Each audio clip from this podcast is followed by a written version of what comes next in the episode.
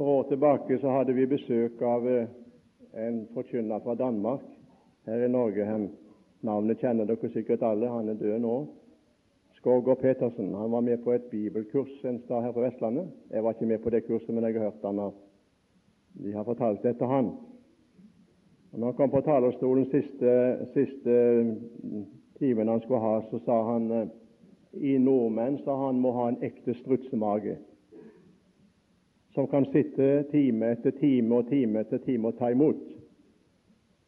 Ja, det kan vel hende at vi har det.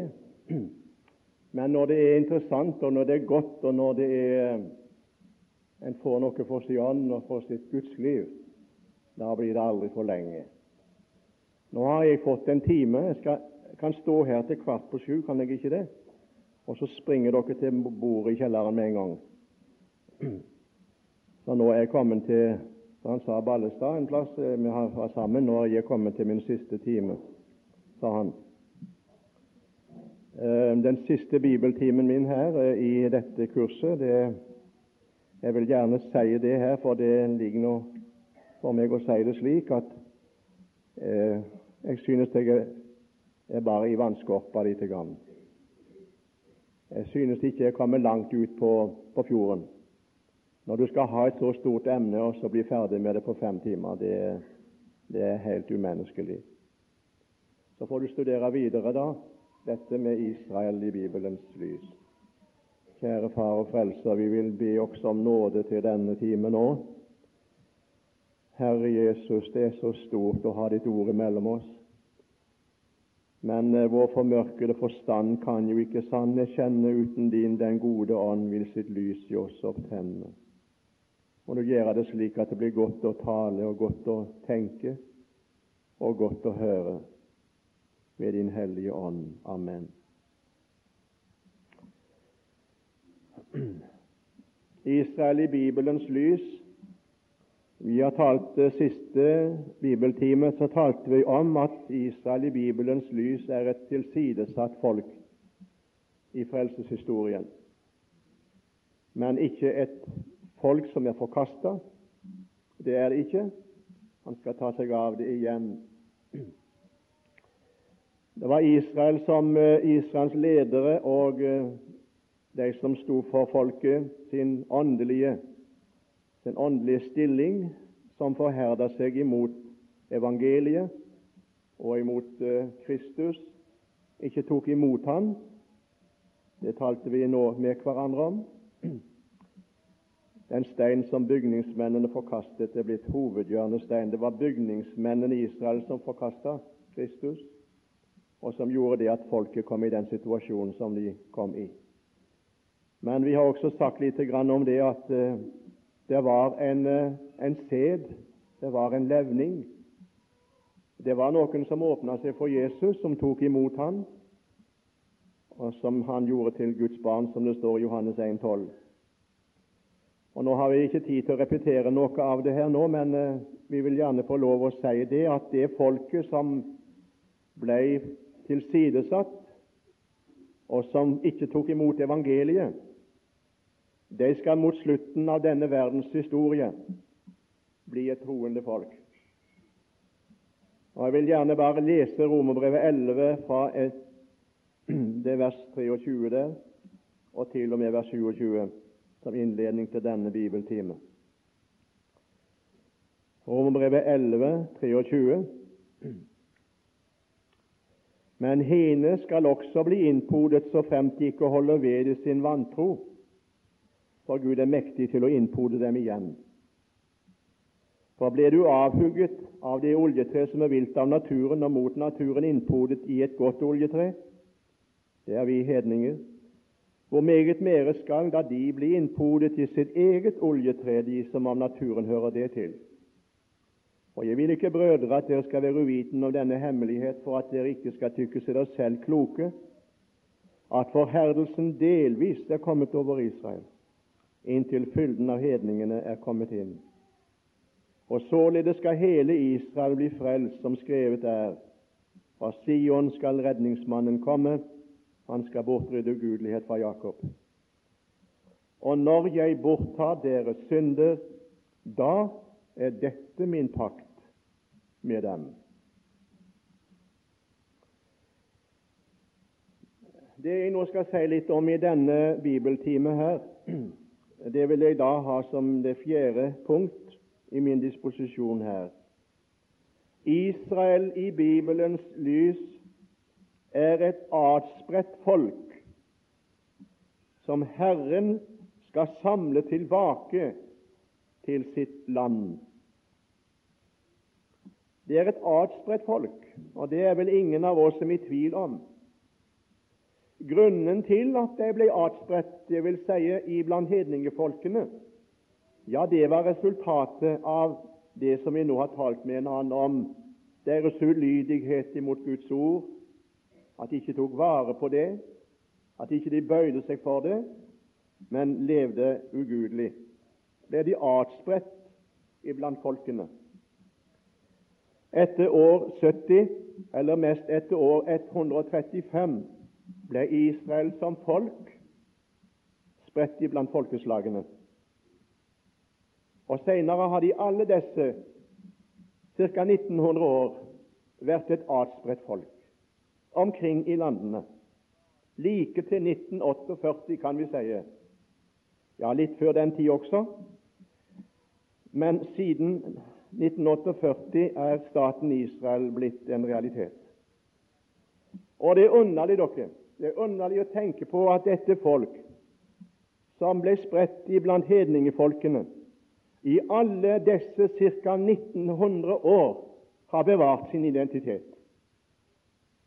De har ikke gått opp i folkene, ikke ved assimilasjon, ikke på noen måte slik at de har blitt kommet vekk. Jøde har vært jøde, enten han har vært i Afrika eller i Asia eller i Europa eller i Amerika. Gud har bevart Israels folk i utlendighet, i diasporaen, med tanken på mot slutten av vår tidssituasjon og verdenssituasjon, som jeg tror vi nærmer oss, fører de tilbake. Gi deg Israels land igjen, og la de bli et kristent folk, et troende folk, som blir formidler av Hans ord og evangelium. Vi kan lese mye om denne adspredelsen, og hva som de opplever i diasporaen, i utlendighet, iblant hedningefolkene, spredt omkring i landene. Vi kan lese mye i Bibelen om det, og jeg har ikke tid til å ta mye fra Bibelen i dag. Jeg vil bare be deg om å slå opp det som står i 3. Mosebok 26 og i 5. Mosebok 28. For det er sagt på forhånd Moses fikk i oppdrag å fortelle dette til folket allerede den tid, så at det skulle faktisk være klart for Israel at det er noe som kommer til å skje hvis at vi er ulydige mot Herrens ord og ikke bøyer oss for Han. Så kommer dette til å skje.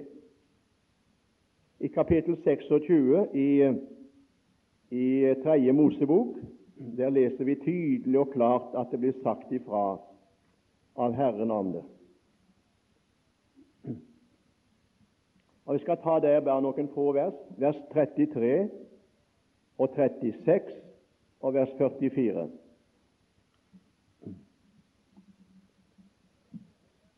Men eder vil jeg sprede blant hedningene, og med dragets sverd vil jeg forfølge dere.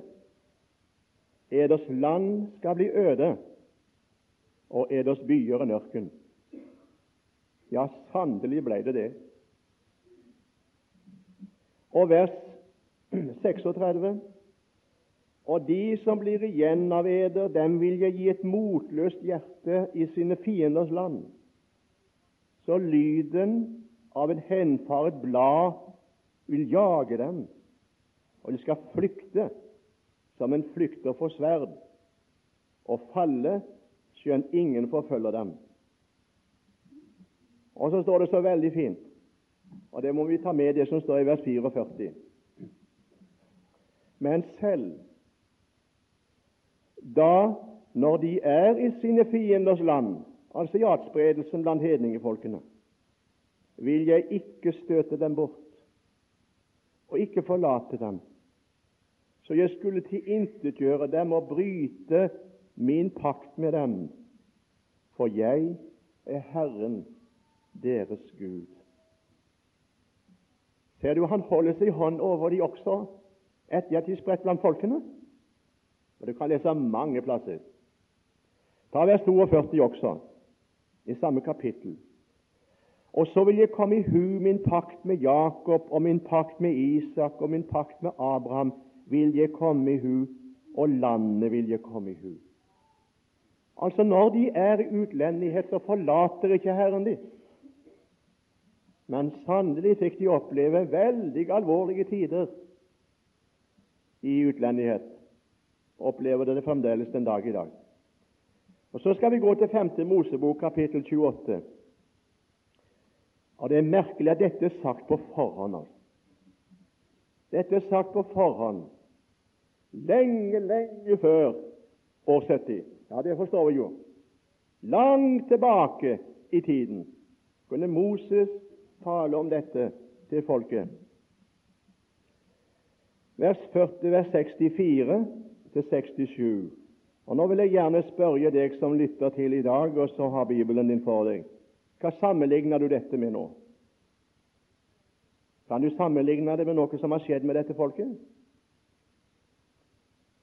Herren skal sprede deg blant alle folkene, fra jordens ene ende til den andre, og der skal du dyrke andre guder som verken du eller dine fedre har kjent, stokk og sten. Og blant disse folk skal du aldri ha ro, og der skal ingen hvile være for din fot. Herren skal der gi deg et bevende hjerte og utærende øyne og en vansmektende sjel. Ditt liv skal henge i et hår. Du skal engstes natt og dag og aldri være sikker på ditt liv. Om morgenen skal du si 'var det bare aften', og om aftenen skal du si 'var det bare morgen'. For den angst du kjenner i ditt hjerte, og for det syn du ser med dine øyne. Jeg synes her at Moses han står og så ser han framover, og så ser han konsentrasjonsleirene. Og så ser han hva som skal skje dette folket. Engstes natt og dag. Om morgenen skal du si 'var det bare aften'? Om aftenen skal du si 'var det bare morgen'? var det angst du kjenner i ditt hjerte, og for det syn du ser med dine øyne. Dette skal skje, sier han, hvis dere forlater Herrens ord som folk og ikke følger Hans lov, så skal det gå slik. Og så gikk det slik. Jeg kan fortelle dere her nå, når vi var nede i Israel, så var vi i Haifa, i Elias-kirken i Haifa, og fikk en, en orientering av en som leder der, hvordan de driver Israels misjon der nede. Jeg vil ikke si mer om det. Men så kom der inn ei kvinne inn døra, og jeg så med en gang hvem det var. Jeg kan fortelle det. Jeg kan hilse fra henne også.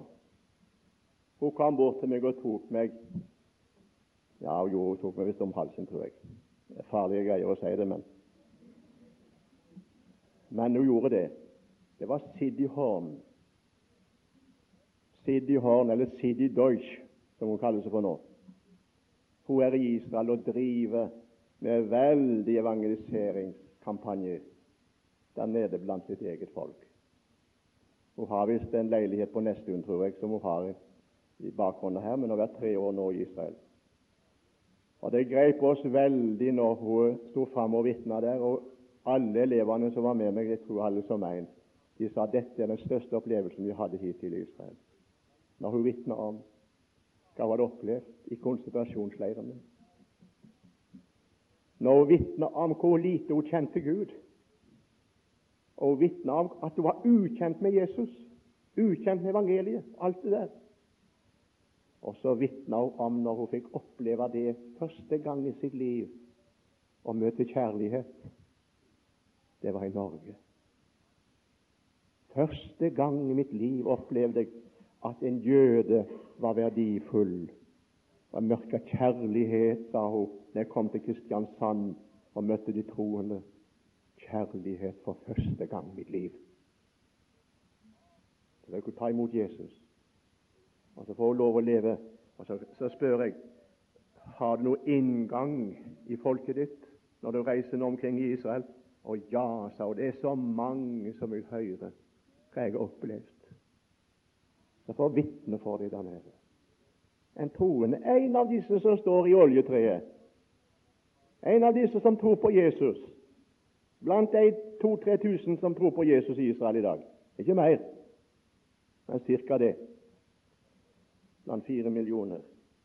En ser det da iallfall. Det er noen som tror på han og som tar imot han som sin Messias. Jeremias kapittel 30, vers 1-8. Jeremias 30, vers 1-8.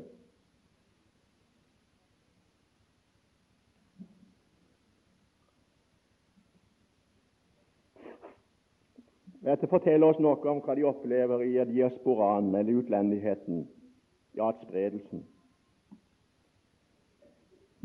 Det sies også av profeten her. Dette er det ord som kom til Jeremias fra Herren. Så sier Herren Israels Gud, skriv alle de ord opp som jeg har talt til deg i en bok. For se, dager kommer, sier Herren, da jeg gjør ende på mitt folks, Israels og Judas fangenskap, sier Herren, og fører dem tilbake til det land jeg gav deres fedre, så de kan ta det i eie. Og dette er det ord Herren har talt om Israel og Juda. Så sier Herren, et redselsrop har vi hørt. Det er frykt og ingen fred. Spør, et, spør og se etter om en mann føder Hvorfor ser jeg hver mann med hendene på sine lender, lik en fødende kvinne? Og hvorfor er alle åsyn forandret og blitt bleke? Ved, stor er den dag, det er ingen som den, en trengselstid er det for Jakob, men han skal bli frelst fra den. Og det skal skje på den dag, sier Herren herskarenes Gud, da vil jeg bryte fiendens åk og ta det av din nakke, og dine bånd vil jeg rive i stykker, og fremmede skal ikke mer holde deg i trelldom.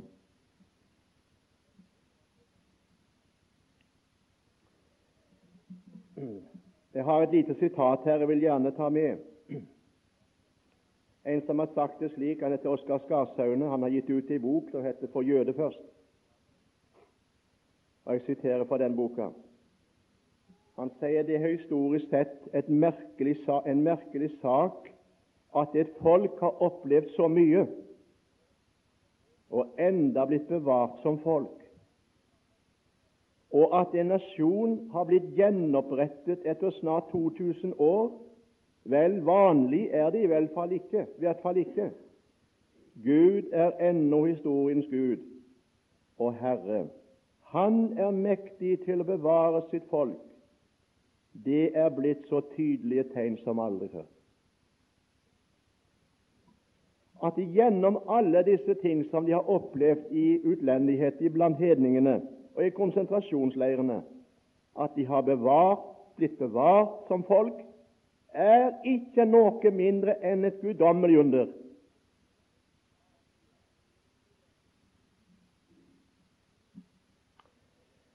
Men eh, la oss gå videre. For det andre Herren var det som spredte de blant folkene, og han skal samle de tilbake, sier han, og gi de Israels land. Og Nå vil jeg be deg slå opp det som står i 3. Mosebok 26, vers 42 til 44. Jeg skal ta med noen få bibelord. Jeg kan ikke ta alt.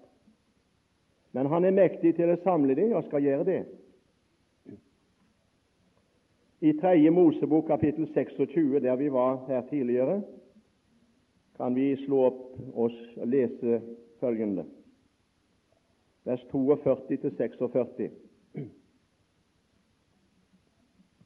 42-44. Nei, det var ikke det kapittelet. Det var Nå har vi, vi har vel lest det, tenker jeg. Ja.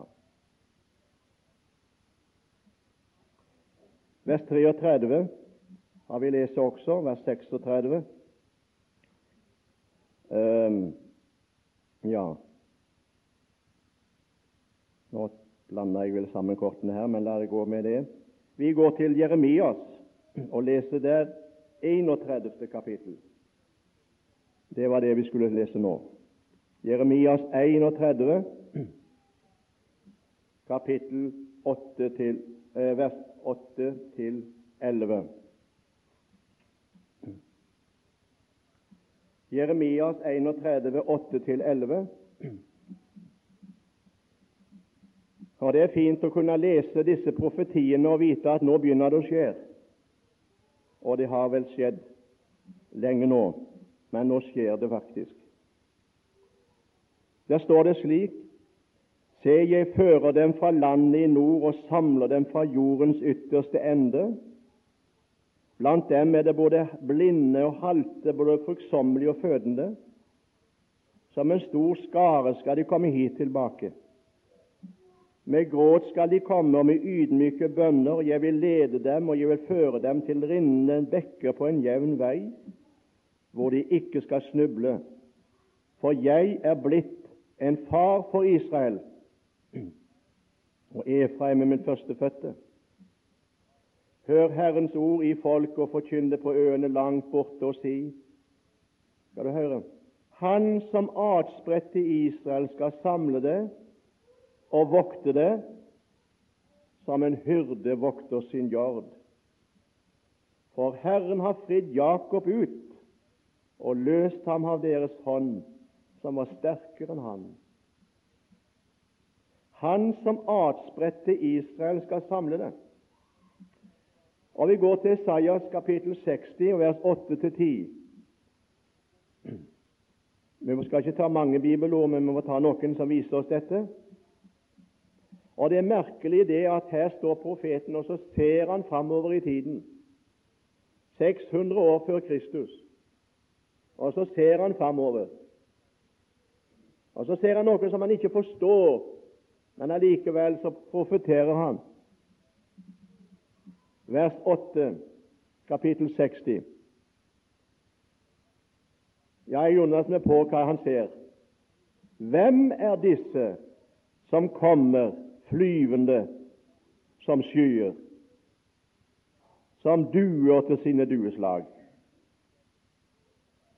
Jeg kan ikke tenke meg noe annet enn at det må være flyene. Kommer som sky, flyvende som skyer som duer til sine dueslag.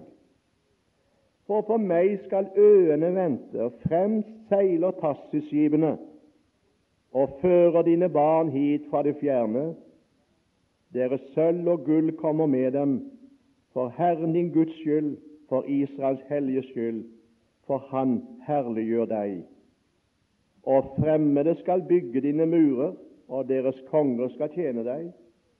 Og i min harm har jeg slått deg, men i min nåde har jeg forbarmet meg over deg. Hvem er det som kommer flyvende? Med skipene. Det er mitt folk, sier Herren, som kommer fra det fjerne. Jeg har ikke sett det, men de har fortalt meg det at uh, det hender av og til at når det kommer uh, Israel uh, kommer tilbake til landet sitt, enten de kommer med fly eller de kommer med båt, jeg snakket med noen som har sett det, så jeg vet at det er sant. De kommer ned flytrappa første gang setter sine føtter på Israels jord. En underlig opplevelse. Jeg, jeg, jeg, har hørt også det at det, det er noen som har opplevd å dø på flyet. De tålte ikke påkjenningen når de så landet. Eldre folk som hadde svakt hjerte, anda ut, døde. Hadde venta så lenge på dette, spenningen ble så stor at hjertet ikke klarte det. Og så døde de flyet før de nådde land. Men de som kom dit, de kom ned trappa. De hadde venta på denne dagen. Neste år i Jerusalem hadde de helst hverandre med ned gjennom tidene, fra nyårsdag. Neste år Jerusalem, neste år Jerusalem. Slekter kommer, slekter har gått i grav. Ingen har kunnet komme fram. Men så skjer det. Og så kommer de ned flytrappa eller over landgangen på båten i Haifa, eller hvor det måtte være. Og Det første de gjør når de kommer ned trappa eller lang, over landgangen, det er å legge seg ned og kysse jorden. Israel, heimlandet, fedrenes land. Når jeg var der nede nå, så fikk jeg møte en del jøder. Ikke troende jøder, men jøder som var kommet nylig var kommet til Israel. og Det var meget interessant. jeg vil si det. Og Iblant disse fikk jeg lov å snakke med noen ungdommer som var kommet fra Jemen og fra Etiopia. Merkelig, merkelig. En del av disse, noen få av de som kom fra Etiopia, kunne litt engelsk. Ellers så kunne ikke de snakke. Så ble det litt oversatt da vi satt på en uh, uterestaurant, en hel flokk. Noen ungdommer fra Jemen og noen fra Etiopia og en, en, engels, en uh, islandsk soldat han sto og passet på oss. Han var litt redd for han der typen som satt og snakket med ungdommen der.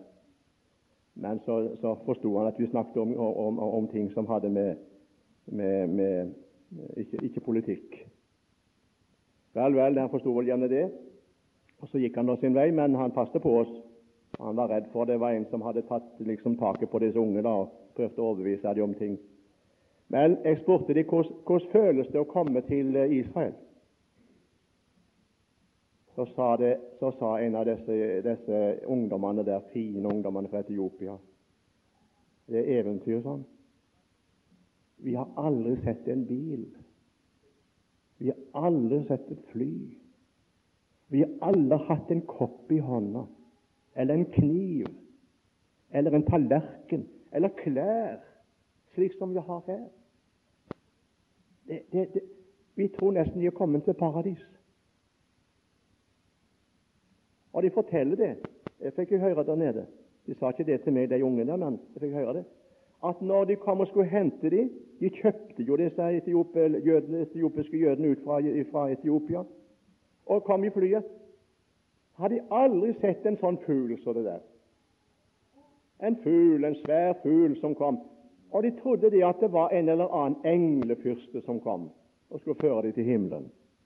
Så når de for over flyplassen opp, så var det 'Nå skal vi til himmelen'. altså. Så lite hadde de greie på hva som skulle skje nå. Men du, jeg, har, jeg tror jeg kan si det etter å ha samtalt med disse jødene både fra Etiopia og Jemen og det, det, det mørkhuda der nede. Og jeg så, jeg så også det vil jeg gjerne si, så Israels ungdom som var født i Israel, eller, eller andre som har immigrert til Israel, som var av hvite rase, som kom fra nord, fra Europa og Amerika, de tok imot dem. Og den kjærlighet som de viste disse mørkhuda, som kom fra Etiopia og Jemen, har jeg aldri sett maken til. Det var en kjærlighet, og de sa det også. Vi, vi, vi, vi opplever noe vi aldri har opplevd, en strøm av kjærlighet fra det folket vi har kommet til. For vi tilhører det. Vi tilhører det. Jeg kunne gjerne regjeringsrepresentanter i Sør-Afrika vært og hørt sett på. Jo, de kommer, og de kommer med fly, og de kommer med båt. Og Nå skal vi også slå opp Isaias 43. Jeg vil gjerne si oss det, venner, at eh, hele Bibelen den gjelder oss. Jeg vil gjerne si det du kan få lov å ta til deg alle løftene som står også hos profetene. Og jeg, jeg er mange ganger jeg for min del jeg leser hos profeten Isaias, for å, å, å ta imot evangeliet der for mitt eget Guds liv. Men vi må ikke glemme det at når vi leser Sajas 43 bl.a., så er det sagt til Israel i første rekke. Og jeg synes vers 6 må tale litt om Øst-Europa. Jeg vil si til Norden gi dem hit. Gi dem igjen. La mitt folk fare, ble det sagt en gang av Moses til farao i Egypten. Det sies fremdeles også i dag til Sovjet. Der det er 2,7 millioner jøder ennå igjen, som gjerne vil reise ut av landet, og som lever i for vanskelige forhold. De får ikke komme, de holdes igjen. Dagen skal komme da Herren skal si til Norden, gi dem hit, og til Syden, hold dem ikke tilbake. La mine sønner komme fra det fjerne, og mine døtre fra jordens ende. Vær den som nevnes med mitt navn, og som jeg har skapt til min ære, som jeg har dannet og gjort. Og så skal du høre hva folket står, hva det står om folket. Er de troende folk? Nei, nei. Før frem et blindt folk, som dog har øyne, og døve som dog har ører. La alle hedningefolk samle seg, alle folkeslag komme sammen. Hvem blant dem er det som kunngjort har kunngjort slikt? La dem si oss hva de tidligere har spådd. La dem stille sine vitner, så de kan, stå, eh, kan få rett. La dem høre og si det er sannhet. Et blindt folk er det i utlendighet. Et blindt folk er det som er spredd iblant folkene. Men Herren tar seg av de og fører de likevel. Han går med gjennom elven. Han går med gjennom luen. Han sier til is til verdensnasjonene, både i øst og vest og nord og syd, gi deg hit, hold deg ikke igjen, de skal hjem til æret Israel.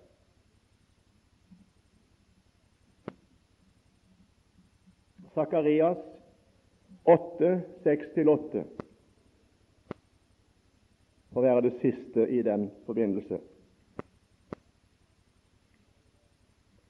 Jeg ber deg om at du leser det som står nedunder i Bibelen din,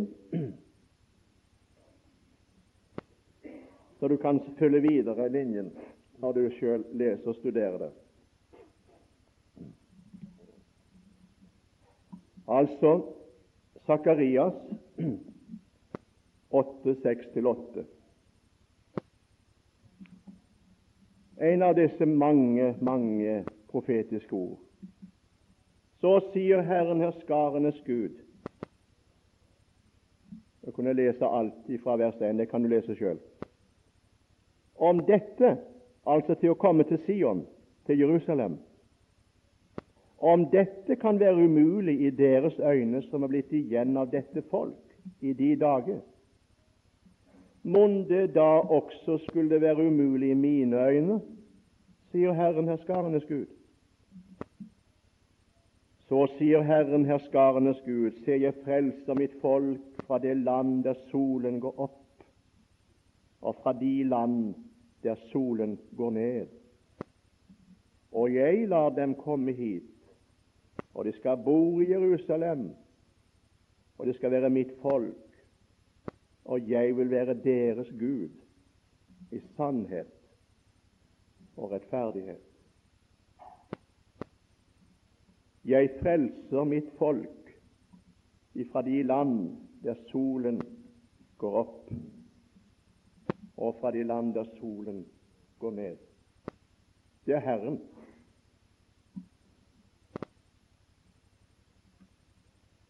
Her er sagt mange ting om det som nå skjer, og som har skjedd siden 1948. Jeg vil gjerne, jeg har eh, lyst til å lese noe som eh, ble lest når Israels eh, staten ble oppretta. Det er underlig med David Ben Gurion. Vi har sitert litt fra han her tidligere. men han var en gudfryktig mann. Han var den som leste erklæringen den 14. mai 1948, dagen for det britiske mandatstyret over Palestina. Når det ble opphørt, ble Israels stat proklamert i byen Tel Aviv. Nå skal du høre proklamasjonen. Jeg leser den. Følgelig erklærer vi, medlemmer av Det nasjonale råd som representerer det jødiske folk i Palestina, og den sionistiske bevegelse i verden, høytidelig samlet her i dag, som også dagen for avslutningen av det britiske mandat over Palestina, i kraft av det jødiske folks nasjonale og historiske rett og De forente statnasjoners hovedforsamlingsresolusjon, erklærer vi en opprettelse av den jødiske stat i Palestina som heretter skal hete Israel. I tro til den allmektige Gud undertegner vi dette møtet i det provisoriske statsrådet i byen Tel Aviv denne erklæring på denne sabbatsaften den 15. dag i Iar år 5780 den 14. mai 1948.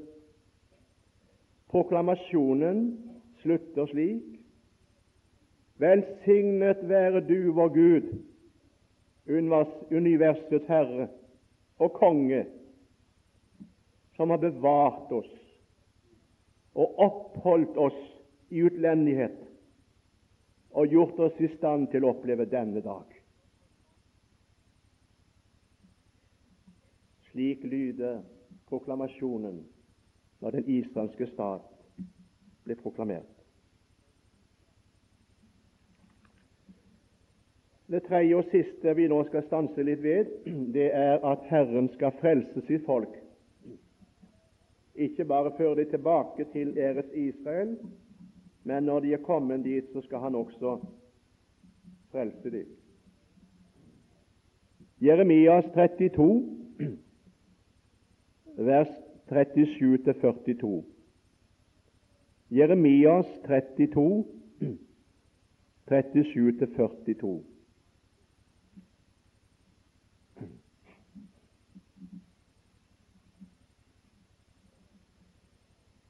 Og Det er dette som er det herlige, at når de kommer hjem og er kommet hjem, og det er det ikke alle, så skal det bli en vekkelse over dette folk, og Herren skal ta seg av dem og frelse dem, og gi dem et nytt hjerte og et nytt sinn, og ta bort steinhjertet av deres kjøtt og gi dem et kjøtthjerte, som det heter også en plass.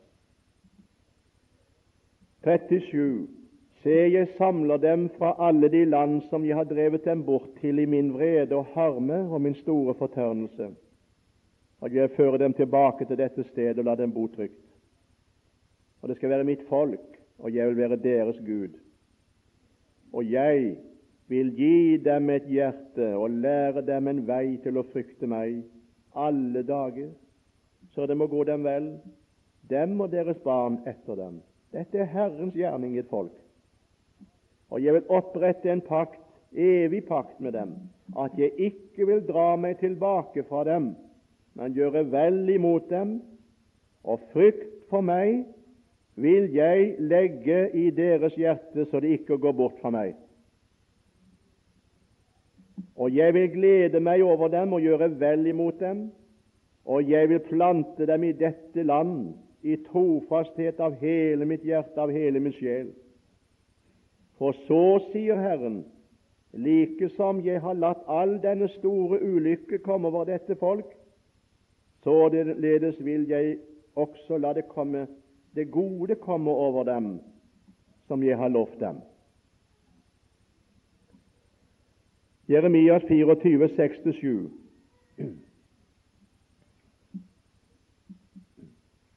Jeremias 24, 6-7. Dette, dette kommer til å skje. Det er profetiske ord som er like sanne som det som er sagt om deg hittil. Jeg vil rette mine øyne på dem med velbehag og føre dem tilbake til dette land. Og jeg vil bygge dem opp og ikke bryte dem ned. Jeg vil plante dem og ikke rykke dem opp. Og jeg vil gi dem hjerte til å kjenne at jeg er Herren. Og de skal være mitt folk, og jeg vil være deres Gud, for de skal vende om til meg av hele sitt hjerte. Slik lyder Herrens ord, profetiske ord. Vi går til Jeremias 50. Det blir mye bibellesning, men vi har jo bibeltime, da får vi lese litt. Og her er mange, mange andre ord vi skulle gjerne ha lest. Men vi skal bare ta vers 19 og 20. Dette er fremtidsperspektivet. Herren våker over sitt ord, har vi lest fra Jeremias 1, at han fullbyrder det. Jeg vil føre Israel tilbake til dets beitemarker. Det skal beite på Karmel og Basan, på Efraims fjell og i Gilead skal de ete seg mett. I de dager og på den tid, sier Herren, skal de søke etter Israels misgjerning, men den skal ikke være til. Etter Judas synder, men den skal ikke finnes, for jeg tilgir dem som jeg lar bli igjen. Jeg tilgir dem som jeg lar bli igjen. Esekiel 36, 23-28. Jeg sa det visst her tidligere at jeg er overraska og overgitt over at de har tatt Herren Israels Gud ut av den nye oversettelsen. Esekiel er nemlig Israels profet nummer én. Han profeterer bare om Israel. Og så er Israels Gud Navnet der er forsvunnet fra den nye bibeloversettelsen. Hvorfor de har gjort det, vet jeg ikke. 23 til 28. Vi har godt av å lese dette her, så vi kan se hva Guds plan med dette folket er. Jeg vil hellige mitt store navn, som er blitt vanhelliget blant folkene. Det som I har vanhelliget blant dem, og folkene skal kjenne at jeg er Herren, sier Herren Israels Gud når jeg åpenbarer min hellighet på eder, for eders øyne. Jeg vil hente eder fra folkene og samle eder fra alle landene, og jeg vil la eder komme til eders eget land. Og jeg vil sprenge rent vann på eder. Vi skal bli rene. For alle eders urenheter, for alle eders motbydelige avguder vil jeg rense eder. Jeg vil gi eder et nytt hjerte og en ny ånd vil jeg gi inneni eder, og jeg vil ta bort stenhjertet ved deres kjøtt og gi dere kjøtthjerte. Min ånd vil jeg gi inneni eder, og jeg vil gjøre at I følger mine bud og holder mine lover og gjør etter den. Det kan jeg gjøre når hjertet er blitt nytt, når sinnet er blitt forandra. Jeg skal bo i det land jeg gav eders fedre, og jeg skal være mitt folk, og jeg vil være eders Gud.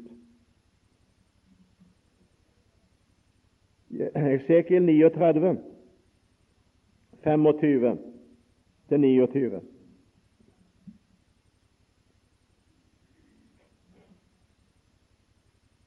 Dette er framtidsprofetier og det, det, det, ser for meg ut som om det begynte å skje. Men det skal først skje for et helt folk når Messias, når Kristus kommer. Da skal de se opp til Han som de har gjennomstunget, og ta imot Han som folk. Men vekkelsen ser ut for å begynne, er blitt begynt. Esekiel 39, 25. Derfor sier Herren Israels Gud så:" Nå vil jeg gjøre ende på Jakobs fangenskap og forbarme meg over hele Israels hus. Og jeg vil vise meg nikjær for mitt hellige navn. Og de skal bære sin skam, ydmykt erkjenne, og all den troløshet de har vist mot meg når de bor trygt i sitt land og ingen forferder dem. når jeg fører dem tilbake fra folkene og samler dem fra deres fienders land, og åpenbarer min hellighet på dem for mange folks øyne. Da skal de kjenne at jeg er Herren deres Gud, fordi jeg har bortført dem til folkene, men igjen samlet dem til deres land, og ikke la noen av dem bli igjen der. Og jeg vil ikke mere skjule mitt åsyn for dem, for jeg vil utgyte min ånd over Israels hus, sier Herren Israels Gud. Jeg kan bare nevne det i forbindelse med Sekiel, at på hver dag, uavhengighetsdag, den 14. mai Det er ikke alltid at det er 14. mai, det er ettersom det sånn almenakken i Israel, det. Men eh, på uavhengighetsdagen leses det Esekiel kapittel 37. Du kan gjerne lese kapittel 37 hos Esekiel. Det, det, det, det leses da, det kapitlet, om de tørre ben i dalen, som profeten ser. Og så spår han om de tørre ben, som er hele Israels hus. Og Vi kan se kapittel 37, vi kan ta med det, vers 12, vers 11, fra vers 11. Og han sa til meg, menneskesønn, disse ben er hele Israels hus. Se, de sier, våre ben er fortørket, og vårt håp er gått til grunne, vi er fortapt. Spår derfor og si til dem, så sier Herren Israels Gud, se, jeg åpner eders graver, og la eder mitt folk stige opp av eders graver, og jeg fører eder til Israels land. Dette leses det på uavhengighetsdagen i Israel, hver eneste år. Og dere skal kjenne at jeg er Herren når jeg åpner eders graver og lar eder mitt folk stige opp av eders graver. Og jeg vil gi min ånd i eder, vi skal bli levende. Jeg vil bosette eder i eders land. Jeg skal kjenne at jeg, Herren, har sagt det, og at jeg også vil gjøre det, sier Herren. Og Vil du notere ned, så gjerne det Esaias 44, 5 og Esaias 61, 7-9, som taler om det samme. Til slutt vil jeg bare få lov å si noen ting om det som skjer i dag i Israel. Det har skjedd mye. Og jeg må gjerne bare få lov å si det, for hver gang jeg er der nede, så blir jeg overraska. Det skjer mye mer enn vi aner. Eh, før, i gamle dager, når en jøde møtte en annen jøde, og han nevnte Jesus fra Nasaret, skulle den andre jøden som hørte det, spytte tre ganger på jorda av forakt. Du kan snakke med jøder i dag, du kan snakke med unge, ungdom i Israel. Du får ingen forakt for Jesus. Men de tror ikke at han er Messias. Men han er vår mann. Det er den beste mann som har levd, den beste mann som har levd i Israels land. Det er Jesus fra Nasaret. Så langt. Vi hadde besøk i Norge her i Oslo av en professor, jeg bare nevner det, fra universitetet i Jerusalem. Han er professor i nytestamentlig teologi. Det er fire slike professorer i dag ved Universitetet i Jerusalem. Fire professorer som er professorer i den nytestamentlige teologi. Og I dag leses Nytestamentet. Bare det siste året er det solgt 400 000 Nytestamenter i Israel. Sier oss noe, det. Du kan spørre når du kommer ned i Israel, spør om de leser Nytestamentet. Ja, de leser det. Til og med skolen siteres det fra evangeliene, for det er Israels historie i evangeliene også. Så langt. Så sto denne professoren inne i Oslo og talte på et studentmøte. Og når møtet var slutt, så han sa når han kom på talerstolen, så sa denne professoren jeg er kommet hit til Norge for å fortelle dere om Jesus fra Nasaret. Derfor er han kommet. Og så talte han så fint om Jesus fra Nasaret som den beste mann som kunne tenkes å gå og være sammen med. Men Messias var han ikke for Israel. Men så var det en som spurte når det var gitt anledning til spørsmål, tror professoren at Jesus fra Nasaret er Messias, så svarte han momentant I hope that. Jeg håper det. Og som jeg sa i formiddag, kan jeg gjerne få gjenta det som en rabbiner nå nylig har sagt i Jerusalem. Han har sagt det at hvis Messias har merkene i sine hender, som de kristne sier han er, har, så vil vi ta imot ham. Da er han den rette. Og En annen rabbiner sagt det slik det skal bli spennende å se når Messias kommer, om han er lik mannen fra Nasaret.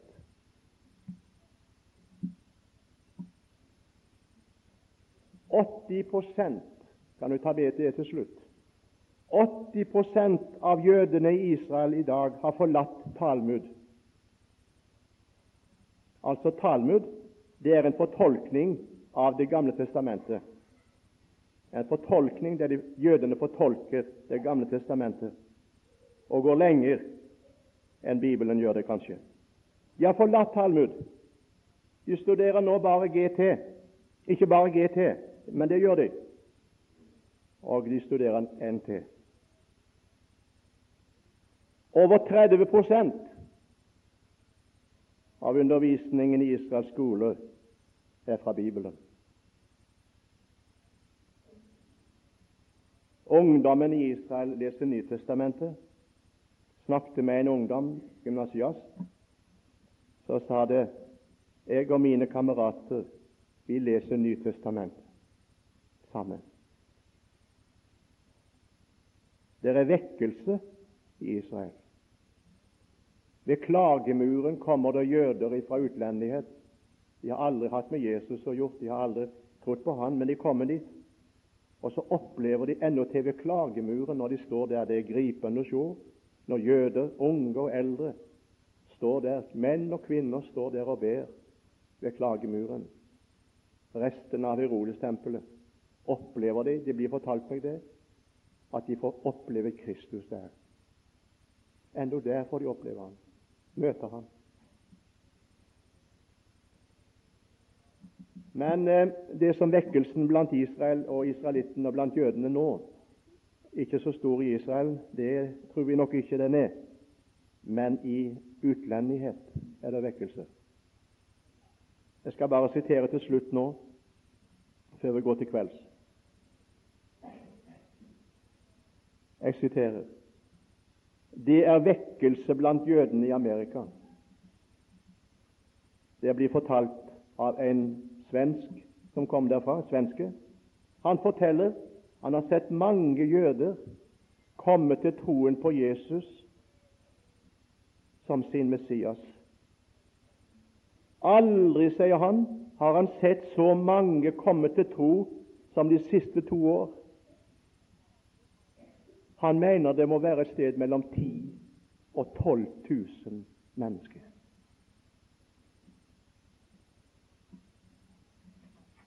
I England det engelske bladet Life of Faith kan fortelle om en vekkelse blant unge jøder i England. Nå skal du høre hva disse unge jødene som kommer til tro på Jesus, reagerer. En gruppe av disse har nylig vært samlet i London. Det er ikke lenge siden.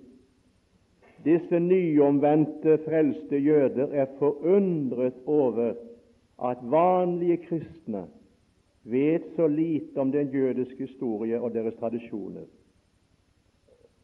Og bladet stiller så spørsmålet kan det komme av at de kristne i vår tid leser så lite i Det gamle testamentet.